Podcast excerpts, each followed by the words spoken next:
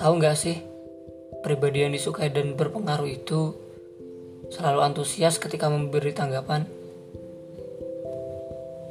Kamu nyadar nggak, pribadi yang disukai dan berpengaruh itu senantiasa tulus dalam persahabatan. Dan pribadi yang disukai dan berpengaruh itu akan sangat peduli terhadap orang lain. Memberikan lebih dari apa yang diharapkan dan senantiasa menghadapi konfrontasi dengan sikap yang bersahabat. Dan tahu nggak, pribadi yang disukai dan berpengaruh itu kamu.